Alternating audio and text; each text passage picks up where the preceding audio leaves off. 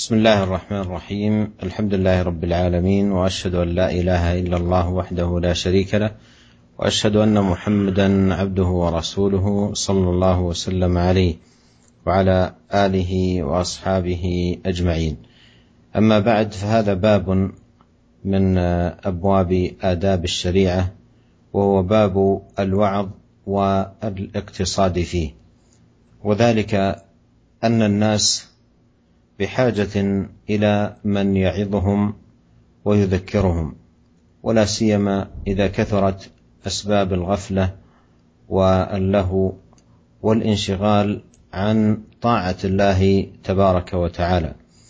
والموعظة والذكرى لها شأن عظيم ونفع كبير في تحريك القلوب وزوال الغفلة وتحقق الخير والفائدة وحسن الإقبال على الله سبحانه وتعالى.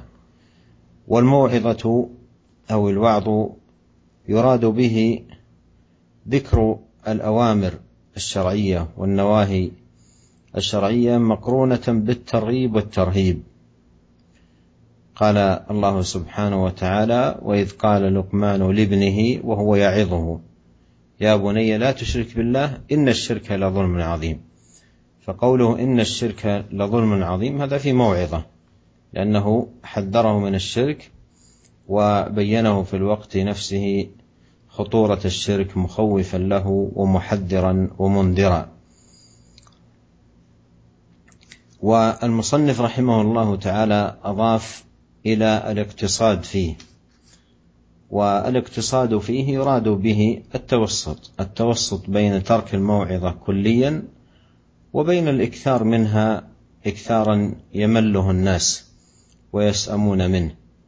بل يكون الواعظ في هذا الباب متوسطا لا يترك الوعظ كلية ولا أيضا يكثر عليهم من الوعظ اكثارا يملون بسببه ويسأمون من الموعظة. أورد المؤلف رحمه الله تعالى في صدر هذه الترجمة قول الله سبحانه وتعالى ادع, ادع إلى سبيل ربك بالحكمة والموعظة الحسنة. وهذا هو الشاهد من هذه الآية الكريمة ألا وهو الموعظة الحسنة بأن تكون الدعوة دعوة العبد ونصحه وتعليمه فيه وعظ موصوف بهذه الصفة وعظ حسن.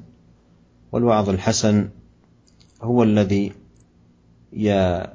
يكون رفيقا بالناس لطيفا معهم متوددا في الخطاب إليهم متلطفا حريصا على ما ينفعهم ذاكرا ما فيه ترغيب وترهيب لهم فهذا كله مما حثت الشريعه عليه قال ادع إلى سبيل ربك بالحكمه والموعظه الحسنه Setelah beliau mengucapkan segala puji bagi Allah Subhanahu wa taala dan beliau bersyahadat bahwa tidak ada ilah yang berhak disembah kecuali Allah dan bahwasanya Muhammad adalah Rasulullah demikian pula salawat kepada beliau dan demikian pula kepada keluarganya, demikian pula kepada para sahabatnya dan semua orang yang mengikutinya dengan kebaikan. Beliau berkata, "Amma ba'd, ini adalah bab tentang memberi nasihat dan anjuran agar tidak berlebih-lebihan dalam hal itu. Ia adalah merupakan bab-bab syariat di mana manusia sangat butuh sekali kepada orang yang memberikan peringatan kepada mereka Terlebih apabila sebab-sebab kelalaian ya menjadi banyak di zaman ini. Banyak orang yang tersibukkan dirinya dari ketaatan kepada Allah Subhanahu wa taala. Dan memberikan peringatan itu kata beliau mempunyai kedudukan yang agung di mana ia menggerakkan hati dan mengingatkan kelalaian-kelalaian di mana seorang hamba hendaklah dia berusaha untuk dia menghadapkan dirinya kepada Allah dengan sebaik-baiknya dan memberikan peringatan itu yang diinginkan adalah yaitu menyebutkan perintah-perintah syariat dan larangan-larangan syariat yang disertai dengan ancaman dan pemberian motivasi. Oleh karena itu Allah Ta'ala berfirman, وَإِذْ قَالَ لُقْمَانُ لِبْنِهِ وَهُوَ يَعِذُهُ يَا بُنَيَّ لَا تُشْرِكْ بِاللَّهِ إِنَّ الشِّرْكَ لَظُلْمٌ عَظِيمٌ Ingatlah ketika Luqman berkata kepada anaknya, di mana Luqman memberikan peringatan kepada anaknya, Wahai anakku, jangan kamu mempersekutukan Allah sedikit pun juga. Sesungguhnya kesyirikan itu adalah kezaliman yang agung. Lihatlah di dalam ayat ini kata beliau. Bagaimana terdapat padanya pemberian pemberian mau'idah. Itu tentang bahayanya kesyirikan. Di mana ya Luqman memberikan apa peringatan kepada anaknya akan bahayanya kesyirikan dan bahwasannya itu adalah perkara kezaliman yang besar. Di sini yaitu Al-Imam An-Nawawi rahimahullah kemudian membawakan bukan hanya sebatas memberikan peringatan, akan tetapi juga itu bersifat iktisod, artinya tengah-tengah, ya, di mana kita tidak meninggalkan peringatan sama sekali, ataupun tidak memperbanyak sehingga akhirnya orang-orang merasa bosan darinya. Akan tetapi kita berusaha untuk tengah-tengah. Ya, sehingga manusia pun tidak merasa bosan dengan kita memperbanyak dan sering kali memberikan peringatan demi peringatan namun juga kita tidak diperbolehkan untuk diam seribu bahasa, tidak memberikan peringatan sama sekali. Al-Imam An-Nawawi Musannif membawakan firman Allah Subhanahu wa taala, "Ud'u ila sabili rabbika bil hikmati wal mau'izatil hasanah." Serulah manusia kepada jalan Rabbmu dengan hikmah dan pelajaran yang baik. Ini dia ya syahid atau saksi daripada ayat tersebut. Apa itu? Yaitu mau'izah hasanah, peringatan yang baik itu bahwasanya hendaklah dakwah yang dilakukan oleh seseorang itu berisi padanya peringatan yang disifati dengan hasan itu baik. Apa itu mau'idhah hasanah? Peringatan yang baik itu adalah peringatan yang disampaikan dengan penuh kelemah lembutan.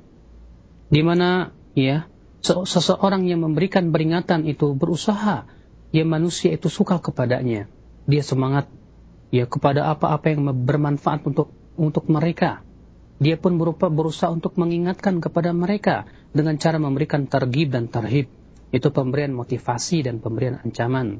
Semua itu kata beliau sesuatu yang dianjurkan oleh syariat itu dalam firman Allah Subhanahu wa taala ud'u ila sabili rabbika bil hikmati wal mau'izatil hasanah. ثم أورد المصنف رحمه الله تعالى حديث أبي وائل شقيق بن سلمة. قال كنا آه، كان ابن مسعود رضي الله عنه يذكرنا في كل خميس. فقال له رجل يا أبا عبد الرحمن لوددت أنك ذكرتنا كل يوم فقال أما إنه يمنعني من ذلك؟ أني أكره أن املكم وإني أتخولكم بالموعظة كما كان رسول الله صلى الله عليه وسلم يتخولنا بها مخافة السآمة علينا متفق عليه. وهذا الحديث مثال ونموذج للتخول بالموعظة كما هو كان هدي نبينا الكريم عليه الصلاة والسلام. فيذكر أبو وائل رحمه الله وهو من علماء التابعين ومن خواص تلاميذ ابن مسعود رضي الله عنه. يذكر أن ابن مسعود كان يذكرهم في كل خميس أي مرة واحدة في الأسبوع. فقال له رجل يا أبا عبد الرحمن لوددت أنك ذكرتنا كل يوم وذلك لأنه تذوق حلاوة وعظ ابن مسعود وعظيم نفع موعظته وتذكيره فأحب أن تكون هذه الموعظة مستمرة كل يوم لأنها موعظة حلوة ومفيدة ونافعة. فقال ابن مسعود رضي الله عنه أما إنه يمنعني من ذلك أني أكره أن أملكم أي أخشى أن أتسبب في إدخال الملل والضجر عليكم. وإني أتخولكم بالموعظة أي أتعهدكم بها بين وقت وآخر. كما كان رسول الله صلى الله عليه وسلم يتخولنا بها مخافة السآمة علينا. مخافة السآمة علينا أي مخافة أن يحصل لنا ضجر وملل من كثرتها. قال النووي رحمه الله تعالى يتخول يتخولنا أي يتعهدنا. فالشاهد من الحديث للترجمة أن فيه آه، الحث على الوعظ وعظ الناس وأيضا الاقتصاد في الوقت آه، الاقتصاد في الوعظ بحيث يكون بين وقت وآخر لا بشكل مستمر ويومي آه، قد يتسبب في ملل الناس وضجرهم ونفورهم. Kemudian beliau berkata, lalu Imam An-Nawawi membawakan hadis Abu Wa'il Syaqiq bin Salamah, semoga eh, semoga Allah merahmatinya, ia berkata, adalah Ibnu Mas'ud radhiyallahu anhu yudzakiruna fi kulli khamis memberikan nasihat kepada kami setiap hari Kamis. Aqala lahu rajulun lalu ada seseorang berkata kepadanya, Ya Aba Abdurrahman, wahai Aba Abdurrahman, lawadittu annaka dzakartana kulla yaum. Aku suka sekali engkau memberikan nasihat dan peringatan kepada kami setiap hari. Faqala ama innahu yamna'uni min dzalika anni akrah an umillakum. Sesungguhnya yang mencegahku ya untuk memberikan uh, peringatan setiap hari yaitu bahwasanya aku tidak suka untuk membuat kalian bosan. Dan sesungguhnya ya aku sengaja memilih waktu pemberian nasihat kepada kalian. Artinya aku menjarangkannya sebagaimana dahulu Rasulullah Shallallahu Alaihi Wasallam dia menjarang menjarangkannya kepada kalian. Kenapa? Karena uh, takut menjadi kebosanan atas kalian. Hadis ini kata beliau merupakan contoh di mana peringatan atau pemberian, pemberian nasihat itu hendaknya tidak sesering mungkin dan itu adalah merupakan petunjuk Nabi Shallallahu Alaihi Wasallam. Di sini Abu Wa'il, di mana beliau seorang ulama tabi'in dan termasuk uh, murid daripada Ibnu Mas'ud, ya. Beliau menyebutkan bahwa Ibnu Mas'ud radhiyallahu an mengingatkan, ia memberikan peringatan, mauidhah, nasihat pada setiap hari Kamis. Artinya, ya seminggu sekali saja. Lalu ada seorang berkata, Wahai Ibnu Mas'ud, ya aku suka sekali engkau memberikan peringatan setiap hari. Ya kenapa? Karena orang ini merasakan betapa indahnya nasihat-nasihat yang diberikan ya, oleh Abdullah bin Mas'ud. Betapa agung faidahnya. Ya betapa manfaat sekali yang ia rasakan. Maka kemudian Ibnu Mas'ud mengatakan, sesungguhnya tidak ada yang mencegahku untuk melakukan itu, kecuali karena aku takut ya membuat kalian itu bosan. Dan sesungguhnya aku ya menjarangkan, artinya ata'ahad, artinya berusaha untuk menjaga, ya jangan sampai kalian itu bosan. Ya aku menjarangkannya, ya tidak setiap waktu, tidak setiap hari, sebagaimana dahulu Nabi Shallallahu Alaihi Wasallam melakukan demikian. Kenapa? Karena takut atau khawatir ya kebosanan itu akan menimpa kalian. Artinya ya beliau takut sekali kalau kalau terlalu sering disampaikan nasihat, nasihat dan nasihat karena saking banyaknya yang ia sampaikan, akhirnya pendengar pun merasa ya bosan karenanya.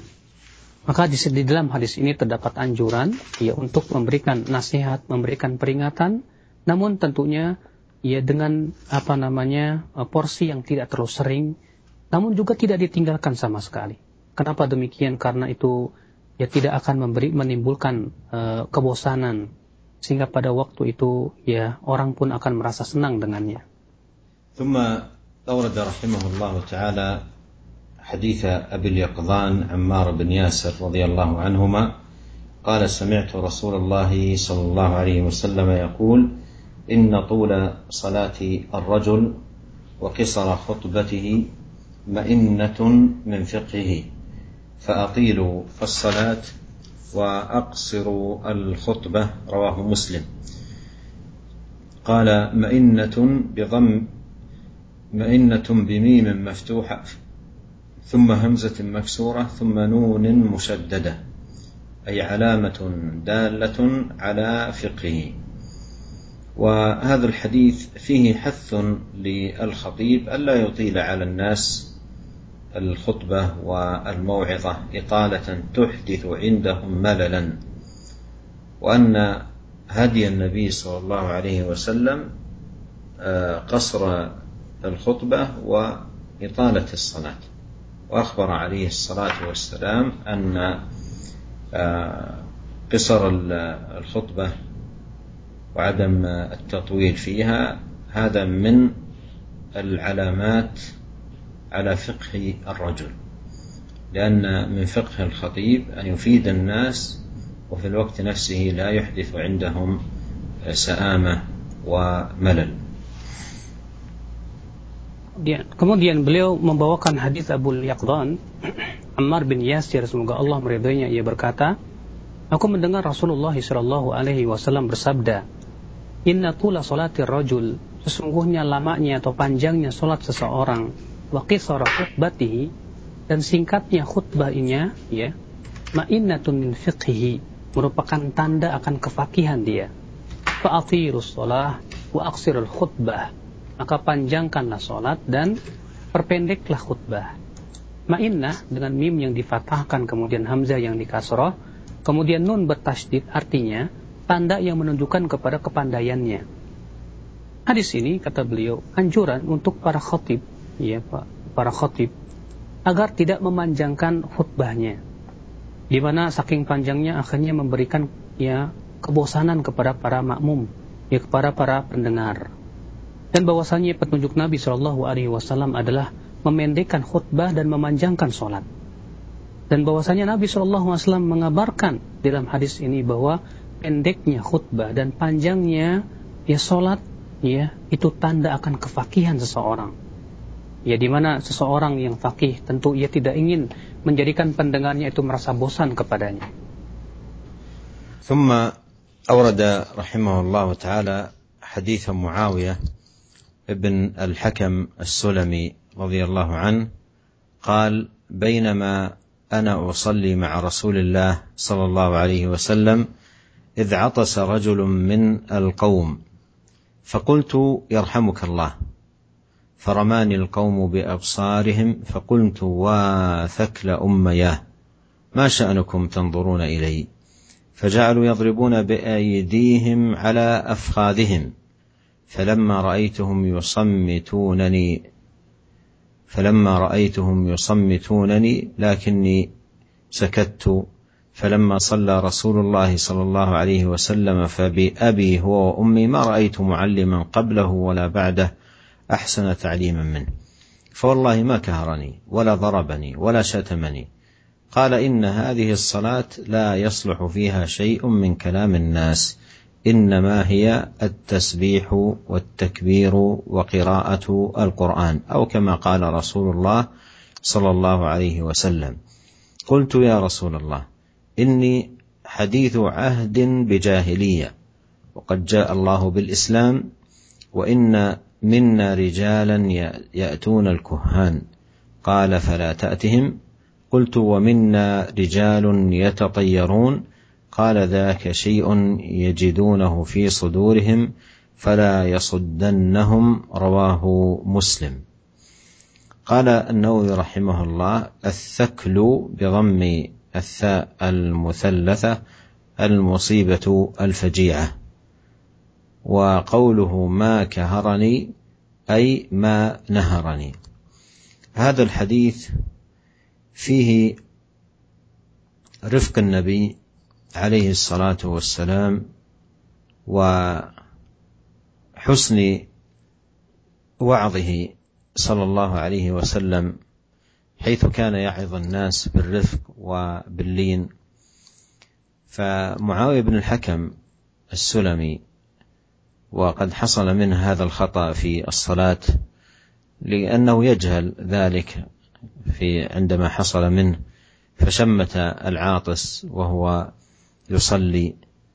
وأيضا أخذ يتحدث مع الصحابة يقول ما شأنكم تنظرون إلي؟ وهو يفعل ذلك كله جهلا. لم يكن على علم بأن هذه الأمور منهي عنها في الصلاة. فبعد أن قضيت الصلاة وجهه النبي صلى الله عليه وسلم توجيها لطيفا. أثر في نفس معاوية بن الحكم رضي الله عنه حتى قال فبأبي هو وأمي ما رأيت معلما قبله ولا بعده أحسن تعليما منه. قال فوالله ما كهرني ولا ضربني ولا شتمني. أي عاملني معاملة رفيقة لطيفة بهدوء ولطف وبين لي الحكم دون تعنيف أو تشديد أو شتم أو نهر أو نحو ذلك. وبين له الحكم بلطف قال إن هذه الصلاة لا يصلح فيها شيء من كلام الناس إنما هي التسبيح والتكبير وقراءة القرآن. وبهذا الكلام تحصل الفائدة ويتحقق المقصود. ولاحظ أن هذا اللطف الذي حصل لمعاوية والرفق الذي كان من النبي صلى الله عليه وسلم تجاهه أثر فيه وأراح نفسه. ولهذا بعد ذلك أخذ يسأل في المجلس نفسه آه، مزيدا من الأسئلة طلبا للفائدة. بخلاف لو أن الإنسان قوبل بالنهر والزجر لا يمكن أن يفكر أن يسأل أو يطلب مزيد فائدة. ولهذا قال يا رسول الله إني حديث عهد بجاهلية وقد جاء الله بالإسلام. وإن منا رجالا يأتون الكهان. قال فلا تأتهم. والكهان هم من يدعون علم الأمور المغيبة وإتيانهم محرم. بل قال النبي صلى الله عليه وسلم من أتى كاهنا أو عرافا فصدقه بما يقول فقد كفر بما أنزل على محمد صلى الله عليه وسلم. قال قلت ومنا رجال يتطيرون. قال ذاك شيء يجدونه في صدورهم فلا يصدنهم. أي إذا وقع شيء من التشاؤم بأمر رآه المرء فعليه ألا يلتفت له وأن يعلم أن ما شاء الله كان وما لم يشأ لم يكن ولا يصدنه هذا الذي رآه. والطيرة هي ما أمضاك أو ردك. فينبغي ألا يكون لهذا الشيء الذي رآه أي تأثير على نفسه. فإن أثر في نفسه فمنعه من السفر أو من التجارة أو نحو ذلك فإنه يكون من المتطيرين. والتطير من الشرك بالله سبحانه آه، وتعالى. الشاهد من الحديث أيها الإخوة المستمعون الكرام لطف النبي صلى الله عليه وسلم في الموعظة ورفقه وحسن تعليمه صلى الله عليه وسلم Kemudian beliau membawakan hadis Muawiyah bin Al-Hakam As-Sulami di mana ia bercerita ketika aku tengah mengerjakan sholat bersama Rasulullah Shallallahu Alaihi Wasallam tiba-tiba ada seseorang yang bersin lalu aku mengucapkan ya Allah maka orang-orang menatap ke arahku Lalu kukatakan kepadanya, celaka kalian. Mengapa kalian memandangku seperti ini? Kemudian mereka memukulkan tangan mereka ke paha-paha mereka. Ketika aku melihat mereka, ternyata mereka ingin supaya aku diam. Sehingga aku pun diam. Setelah selesai, ya Rasulullah Shallallahu Alaihi Wasallam mengerjakan sholatnya, ia berkata, ya demi bapak dan ibuku, Aku tidak pernah melihat seseorang pendidik pun yang lebih baik daripada beliau. Sebelum maupun sesudahnya, demi Allah, beliau tidak menghardiku, tidak juga memukulku dan mencemoohku. Beliau bersabda, sesungguhnya di dalam sholat ini tidak boleh ada perbincangan manusia, karena sesungguhnya sholat itu adalah tasbih dan takbir serta membaca Al-Quran, atau seperti yang disabdakan oleh Rasulullah SAW. Lalu, lalu aku katakan, wahai Rasulullah, Sesungguhnya aku baru saja meninggalkan masa jahiliyah, dan Allah telah mendatangkan Islam, dan sesungguhnya di antara kami ada beberapa orang yang mendatangi para dukun. Beliau bersabda, kamu jangan mendatangi mereka, yaitu para dukun. Lalu kukatakan, dan di antara kami juga ada orang yang suka ya meramal kesialan. Beliau bersabda, ya dan di antara kami, apa yang demikian itu merupakan sesuatu yang mereka dapatkan di dalam dada-dada mereka oleh karena itu jangan sampai hal itu menghalangi mereka. Beliau mengatakan bahwa hadis ini menunjukkan ya bagaimana Nabi Shallallahu Alaihi Wasallam begitu lembutnya dan baiknya di dalam memberikan peringatan, di mana beliau memberikan peringatan dengan kelembutan, dengan kasih sayang, Ya di mana ya kebetulan Muawiyah bin Al-Hakam As-Sulami ini ya terjadi kesalahan di dalam sholatnya karena ketidaktahuan dia. Di mana di mana ada orang yang ya bersin kemudian ia mengucapkan yarhamukallah. Iya. Lalu kemudian ia berbicara lagi di dalam sholat. Kenapa? Karena ketidaktahuan dia. Ya, kemudian ia tidak tahu bahwasannya itu adalah perkara-perkara yang dilarang kata beliau. Maka setelah Nabi Shallallahu Alaihi Wasallam selesai sholat, ya maka Nabi Shallallahu Alaihi Wasallam pun memberikan bimbingan dengan bimbingan yang Subhanallah ya kata beliau e, begitu lembutnya sehingga saking lembutnya, saking bagusnya itu memberikan pengaruh kepada jiwa Muawiyah. Iya, maka apa kata apa apa namanya Muawiyah? Bi abi huwa wa ummi ma ra'aitu mu'alliman qablahu wala ba'dahu ahsan ta'liman minhu Ya demi ayah dan ibuku sebagai tebusannya, aku tidak pernah melihat seorang pengajar yang yang paling bagus tata cara pengajarannya dari beliau. Ya sebelum dan sesudahnya. Demi Allah, beliau tidak mencaci maki aku, tidak pula memukul aku, tidak pula mencemoohkan diriku. Saking demikian Rasulullah SAW lembutnya di dalam memberikan peringatan. Ya. Artinya ya bahwa Rasulullah SAW memberikan kepada Muawiyah ini peringatan yang uh, penuh kasih sayang dengan tanpa mencaci, dengan tanpa mencela, dan kemudian Nabi Shallallahu Alaihi Wasallam menjelaskan dengan ya kelembutannya. Beliau bersabda, Inna hadis salah la yasluhu fiha syai'un min kalamin nas. Sesungguhnya solat ini tidak berhak untuk dimasuki oleh perkataan manusia.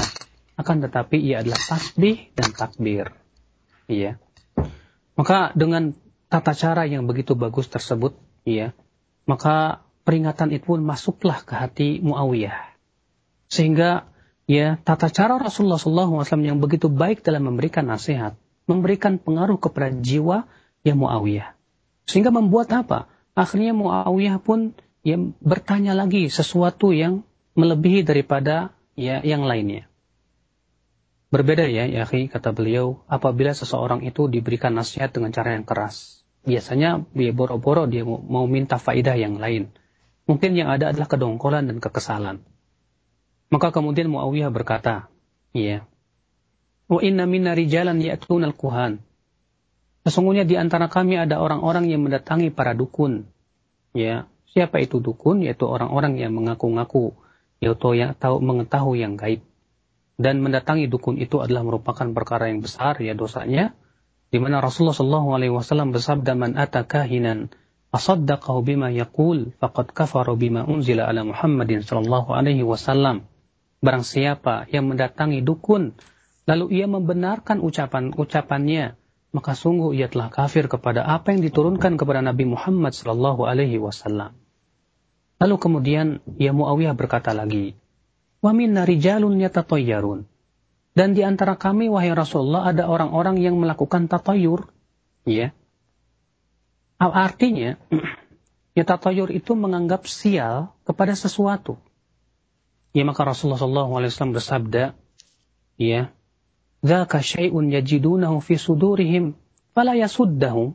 Itu sesuatu yang mereka temukan di dalam dada-dada mereka, maka jangan sekali-kali mencegah ya keyak, apa, mencegah mereka dari perbuatan itu, perbuatan mereka. Artinya kata beliau ya bahwa ya terkadang kita menganggap sial sesuatu. Ketika melihat sesuatu yang kemudian dari situ kemudian kita seakan-akan menganggap ini akan menimbulkan kesialan-kesialan, maka itu adalah hakikat tiaroh ya. Atau tatoyur. Ya, sehingga akhirnya dengan seperti itu kita jadi berangkat atau kita tidak jadi berangkat ya gara-gara adanya sesuatu tersebut. Maka ya ketika seseorang misalnya gara-gara melihat sesuatu akhirnya ia tercegah untuk melakukan sebuah perjalanan berarti ia sudah melakukan tatoyur dan itu merupakan kesyirikan kepada Allah Subhanahu wa taala dan syahid daripada hadis ini yaitu bagaimana Nabi Shallallahu Alaihi Wasallam dalam memberikan peringatan dan nasihat ya begitu lembutnya kasih sayang dan bagaimana tata cara pengajaran Nabi Shallallahu Alaihi Wasallam yang sangat baik sekali. ثم ختم رحمه الله تعالى هذه الترجمة بحديث العرباض ابن سارية رضي الله عنه وأرضاه قال وعظنا رسول الله صلى الله عليه وسلم موعظة وجلت منها القلوب وذرفت منها العيون وذكر الحديث وقد سبق بكماله في باب الأمر بالمحافظة على السنة. وذكرنا أن الترمذي قال إنه حديث حسن آه، صحيح. فهذا الحديث أيها الإخوة الكرام الذي ختم به النووي رحمه الله هذه الترجمة فيه أن هدي النبي عليه الصلاة والسلام في الموعظة يجمع بين أمرين. ذكرهما العرباض رضي الله عنه آه، بقوله وعظنا رسول الله صلى الله عليه وسلم موعظة آه، وجلت منها القلوب وذرفت منها آه، العيون. الأمر الأول قصر الموعظة وعدم الإطالة فيها. قصر الموعظة وعدم الإطالة فيها. والأمر الثاني بلاغة الموعظة وقوة تأثيرها في آه، الناس. ومن قدمت لهم تلك الموعظة. وأيضا الحديث فيه آه، آه، قلوب الصحابة أو شدة تأثر قلوب الصحابة رضي الله عنهم وأرضاهم المواعظ التي كان كانوا يسمعونها من النبي عليه الصلاة والسلام وحسن انتفاعهم بتلك المواعظ. Kemudian beliau menutup uh, bab ini dengan hadis Al-Irbad bin Sariyah di mana ia berkata wa'adhana Rasulullah sallallahu alaihi wasallam ya Rasulullah sallallahu alaihi wasallam memberikan kepada kami nasihat dengan sebuah nasihat yang membuat hati kami ia merasa takut karenanya. Dan air mata kami pun berlinang. Dan kemudian disebutkan hadisnya, dan itu sudah e, berlalu secara sempurna di bab perintah untuk menjaga sunnah. Dan telah kita sebutkan bahwa At-Tirmidzi mengatakan bahwa hadis ini hasan sahih. Kata beliau, hadis ini ya menunjukkan bahwa petunjuk Nabi Shallallahu Alaihi Wasallam dalam memberikan peringatan Ya tadi mohon maaf karena suara apa namanya tidak jelas sekali ya sehingga saya tidak tahu apa yang beliau sebutkan ya tentang perkara itu. Kemudian yang kedua yaitu kata beliau faidah yang bisa kita sebutkan yaitu bagaimana balagohnya Nabi Shallallahu Alaihi Wasallam, kefasihan beliau di dalam memberikan peringatan dan kekuatan pengaruhnya kepada manusia. Bagaimana hadis ini menunjukkan juga bahwa hati para sahabat itu ya sangat mudah sekali terpengaruh dengan uh, nasihat-nasihat Nabi Shallallahu Alaihi Wasallam dan baga bagaimana Nabi para sahabat itu sangat mengambil manfaat dari nasihat-nasihat yang Rasulullah SAW sampaikan kepada mereka karena saking bagusnya tata cara penyampaian Nabi Shallallahu Alaihi Wasallam. قال رحمه الله تعالى باب الوقار والسكينه واورد قول الله سبحانه وتعالى وعباد الرحمن الذين يمشون على الأرض هونا واذا خاطبهم الجاهلون قالوا سلاما الوقار أيها الإخوة المستمعون الكرام يكون في هيئة العبد بحيث تكون مشيته فيها الطمأنينة فيها الأدب آه، لا تكون مشيته فيها مثلا آه، الاندفاع أو التسرع أو العجلة وإنما يمشي بوقار أي بهيئة حسنة طيبة في مشيته. والسكينة عدم الإكثار أو عدم الحركة وعدم الطيش بل يكون فيه سكون في جوارحه منبعثا من سكون قلبه وطمأنينته. وهذان الوصفان من الأوصاف العظيمة التي ينبغي أن يتحلى بها المسلم بحيث يمشي مشية فيها الوقار وفيها السكينة. وقول الله سبحانه وتعالى وعباد الرحمن الذين يمشون على الأرض هونا وإذا خاطبهم الجاهلون قالوا سلاما فيه أن مشية عباد الرحمن بهذه الصفة يمشون على الأرض هونا أي بالسكينة والوقار والمشي المشيه الهادئه التي ليس فيها طيش أو تسرع أو نحو ذلك Kemudian beliau membawakan yaitu al-waqar was sakinah yaitu sikap tenang dan berwibawa. dan beliau membawakan firman Allah Subhanahu wa taala wa ibadur rahmanil ladzina yamshuna 'alal ardi hauna wa idza khatabahumul jahiluna qalu salama. Dan hamba-hamba Rabb yang Maha Penyayang itu ialah orang-orang yang berjalan di atas bumi dengan rendah hati dan apabila orang-orang jahil menyapa mereka, mereka mengucapkan kata-kata yang mengandung keselamatan. Surat Al-Furqan ayat 63.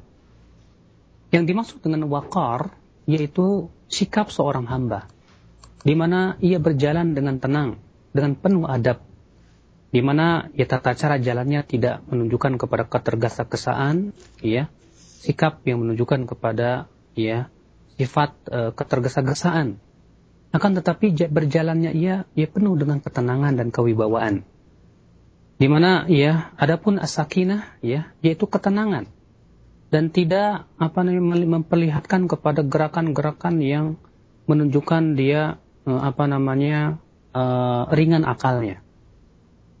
Ini merupakan wasiat-wasiat yang agung ya, yang sehendaknya bagi seorang mukmin untuk bersifat dengannya. Yaitu dia berjalan dengan penuh ketenangan, penuh kewibawaan ya. Dan firman Allah Subhanahu wa taala wa ibadur wa ibadur wa ibadur rahmanil ladzina yamshuna 'alal ardi hauna. Ya yang dimaksud dengan hauna artinya ketenangan kewibawaan yang tidak di, yang tidak menunjukkan akan ringannya akal seseorang atau ketergesa-gesaan maka ya seorang hamba yang rahman adalah yang berjalan dengan sifat seperti ini yang merupakan sifat yang terpuji tentunya. أورد في هذه الترجمة حديثا واحدا عن أم المؤمنين عائشة رضي الله عنها قالت ما رأيت رسول الله صلى الله عليه وسلم مستجمعا قط ضاحكا حتى ترى منه لهواته إنما كان يتبسم متفق عليه. واللهوات جمع لهات وهي اللحمة اللحمة التي في أقصى سقف الفم. وقولها مستجمعا قط ضاحكا أي يضحك ضحكا شديدا بالقهقهة بحيث يفتح في هذا الضحك فمه.